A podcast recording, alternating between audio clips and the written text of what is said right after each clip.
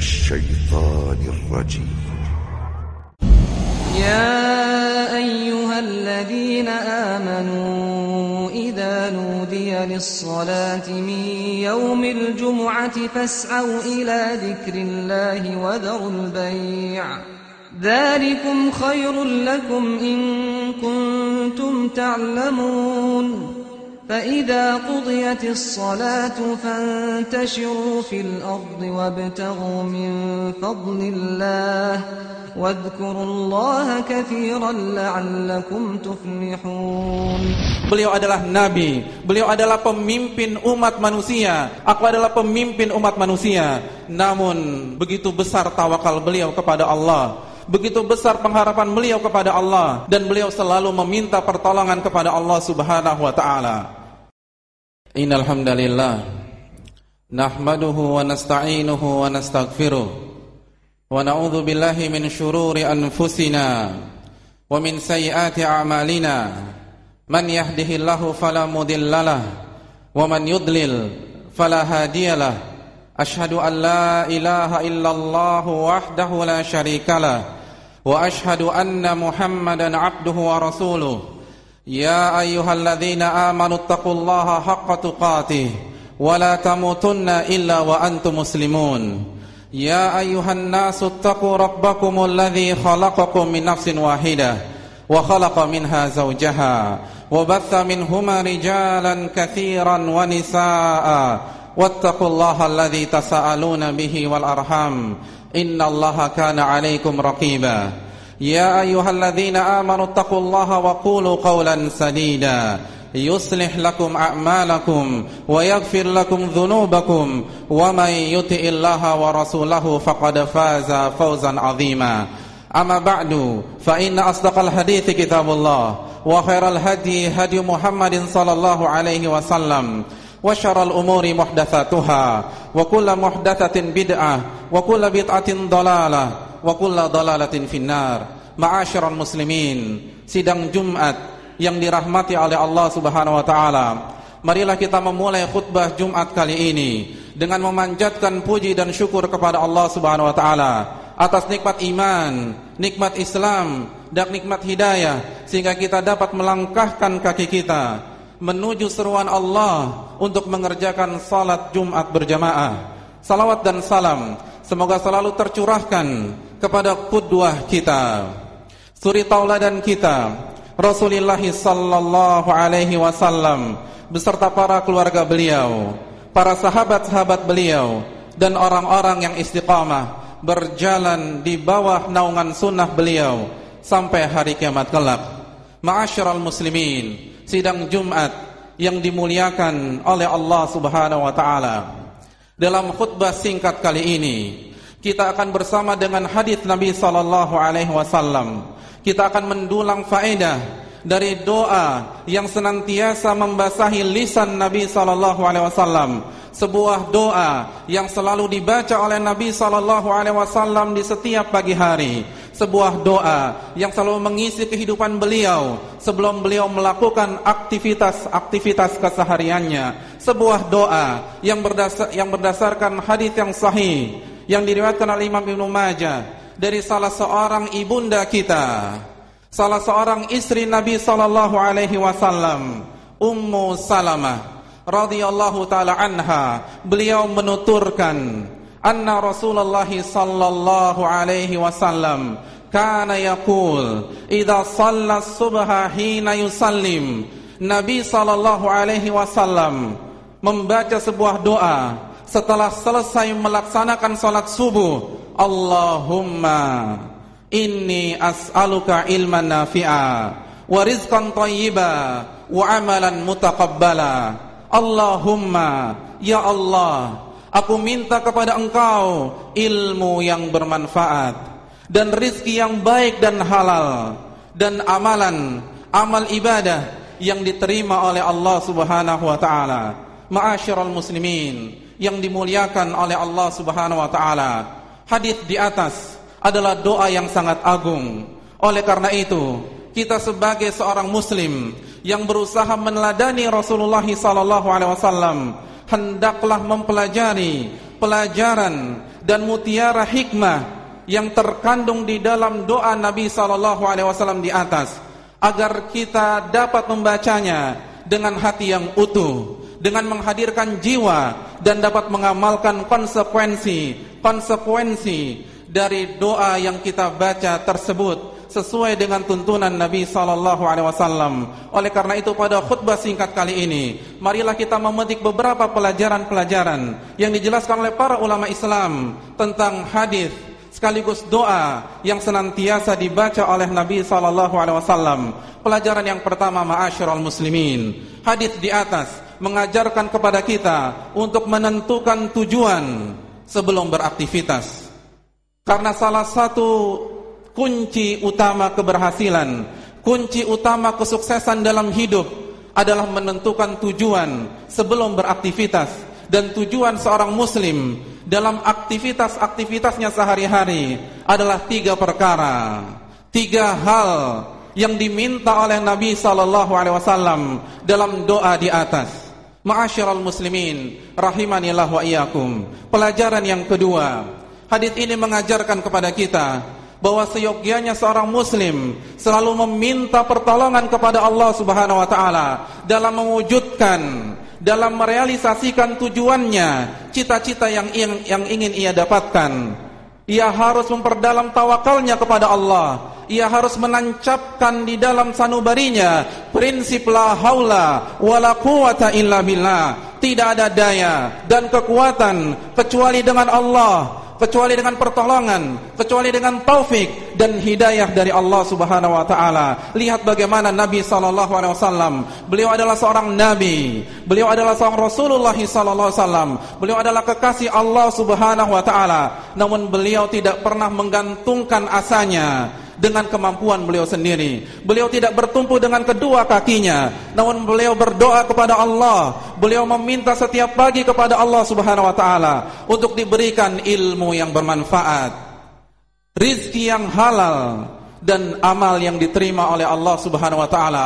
Padahal sekali lagi ma'asyiral muslimin, beliau adalah nabi, beliau adalah pemimpin umat manusia, anak sayyidu bani Adam, aku adalah pemimpin umat manusia. Namun Begitu besar tawakal beliau kepada Allah. Begitu besar pengharapan beliau kepada Allah. Dan beliau selalu meminta pertolongan kepada Allah subhanahu wa ta'ala.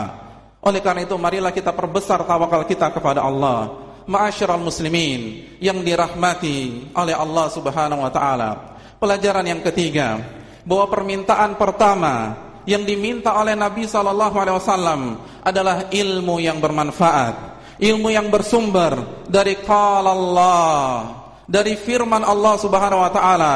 Hadis-hadis Nabi sallallahu alaihi wasallam yang sahih yang valid yang sah berasal darinya. Sallallahu alaihi wasallam. Dan dipahami dengan pemahaman yang benar. Pemahaman Rasulullah sallallahu alaihi wasallam dan para sahabatnya. Ilmu yang melahirkan dan menumbuhkan rasa takut kepada Allah Subhanahu wa taala dan membuat kita beramal sehingga bermanfaat bagi diri sendiri maupun lingkungan sekitar. Inilah ilmu yang bermanfaat dan sekaligus ma'asyiral muslimin. Doa di atas mengajak kita, memerintahkan kita untuk berusaha menuntut ilmu agama agar terciptalah persatuan antara doa kepada Allah dan ikhtiar seorang anak manusia. Tuntutlah ilmu agama agar kita mendapatkan ilmu yang bermanfaat sebagaimana yang kita minta kepada Allah Subhanahu wa taala.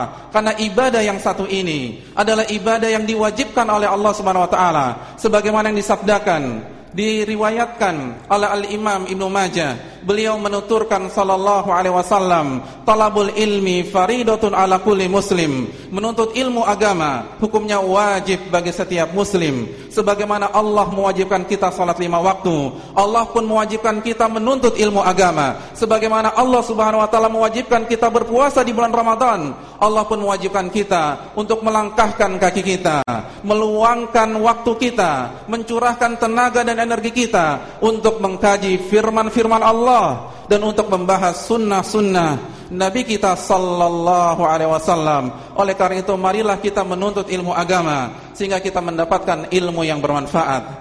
Pelajaran yang berikutnya bahwa permintaan yang kedua yang diminta oleh Nabi sallallahu alaihi wasallam adalah rizki yang halal.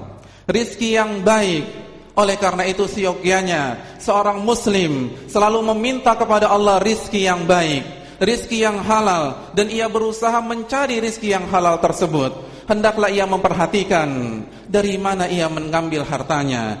Hendaklah ia memperhatikan apa hukum profesi yang digelutinya agar dapat memastikan bahwa seluruh yang ia konsumsi, seluruh hal yang masuk ke dalam tubuhnya tubuh istri dan anak-anaknya berasal dari harta yang halal, berasal dari harta yang baik. Jangan sampai ada satu suapan pun yang berasal dari harta yang haram dan hal-hal yang tidak diridhai oleh Allah Subhanahu wa taala. Mengapa demikian ma'asyiral muslimin? Karena apabila kita mengambil rizki yang haram Yang kita pertaruhkan Adalah terkabulnya doa-doa kita. Nabi bersabda Dalam hadis riwayat Imam Muslim Thumma dhakara rajula Yutilu safara Ash'atha akbar Yamuddu yadaihi ila sama Ya Rab, Ya Rab.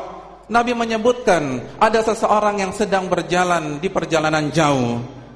Rambutnya berantakan Tubuhnya penuh dengan debu Lalu ia mengangkat tangannya ke langit. Ia bertawasul dengan nama Allah. Ia bertawasul dengan nama Ar-Rab. Ya Rab, Ya Rab. Namun apa yang terjadi ma'asyiral muslimin? Wa mat'amuhu haram dan makanannya ia ambil dari jalan yang haram atau dengan hal yang haram. Wa mashrabuhu haram. Dan minumannya ia dapatkan dari jalan yang haram atau minuman itu adalah haram. Wa malbasu haram. Dan pakainya haram atau diambil dari cara yang haram. Wa ghudhiya bil haram. Dan ia mengkonsumsi hal-hal yang diharamkan oleh Allah. Fa anna yustajabu lidzalik Bagaimana mungkin doanya dikabulkan oleh Allah Subhanahu wa taala? Ma'asyiral muslimin, apabila kita mengambil rizki yang haram, yang kita pertaruhkan adalah amal ibadah kita. Nabi bersabda dalam hadis riwayat Imam Muslim, "La tuqbalu salatun bi ghairi tahur wa la shadaqatun min min ghulul." Sesungguhnya Nabi bersabda, la tuqbalu shalah bi ghairi tahur. Salat tidak diterima oleh Allah Subhanahu wa taala apabila dilaksanakan dalam keadaan tidak bersuci. Wala sadaqatun min gulul dan sedekah, infak tidak diterima oleh Allah Subhanahu wa taala apabila berasal dari harta yang haram, harta pencurian sebelum pembagian ghanimah. Ma'asyiral muslimin, apabila kita mengambil harta yang haram, yang kita pertaruhkan adalah masa depan kita di akhirat, negeri yang abadi karena Nabi bersabda dalam hadis riwayat Imam Baihaqi dalam Syu'abil Iman kullu jasadin nabata min suhtin fannaru aula bih setiap jasad setiap tubuh setiap daging kata Nabi sallallahu alaihi wasallam yang tumbuh dari jalan yang haram, dari rizki yang haram, maka neraka lebih baik dan lebih layak untuknya. Ia lebih pantas diadab dan disiksa di dalam api neraka. Aku qouli hadza wa astaghfirullah li wa lakum.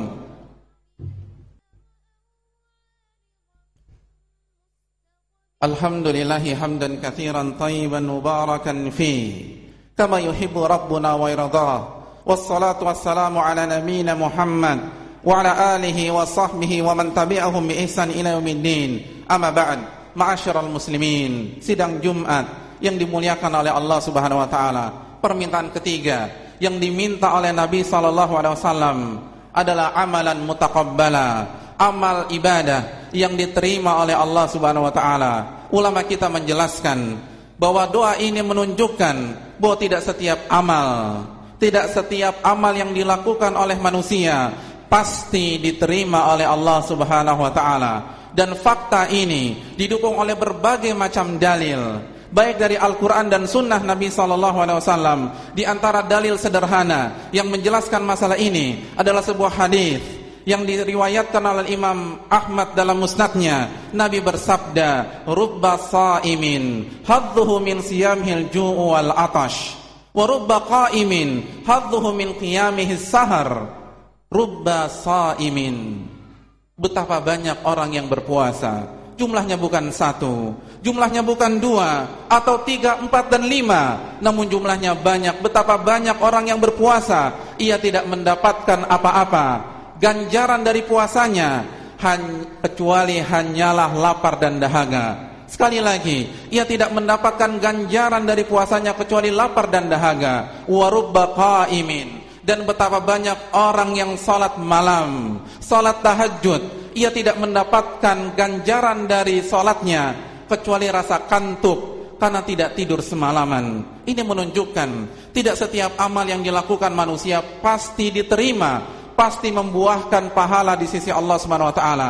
Dan ulama kita telah menjelaskan amal ibadah apabila ingin diterima oleh Allah apabila ingin membuahkan pahala di sisi Allah maka pelakunya harus merealisasikan mewujudkan dua syarat diterimanya amal ibadah yaitu ikhlas kepada Allah. Nabi bersabda innamal a'malu binniyat wa innamal likulli sesungguhnya setiap amal ada dan tergantung niatnya dan setiap orang akan diganjar sesuai dengan niatnya tersebut. Yang kedua ma'asyiral muslimin adalah mutaba'ah, meneladani dan mencontoh tata cara dan metode beribadah Nabi sallallahu alaihi wasallam. Nabi bersabda dalam hadis riwayat Imam Muslim, "Man 'amila amalan laisa 'alaihi amruna fahuwa rad."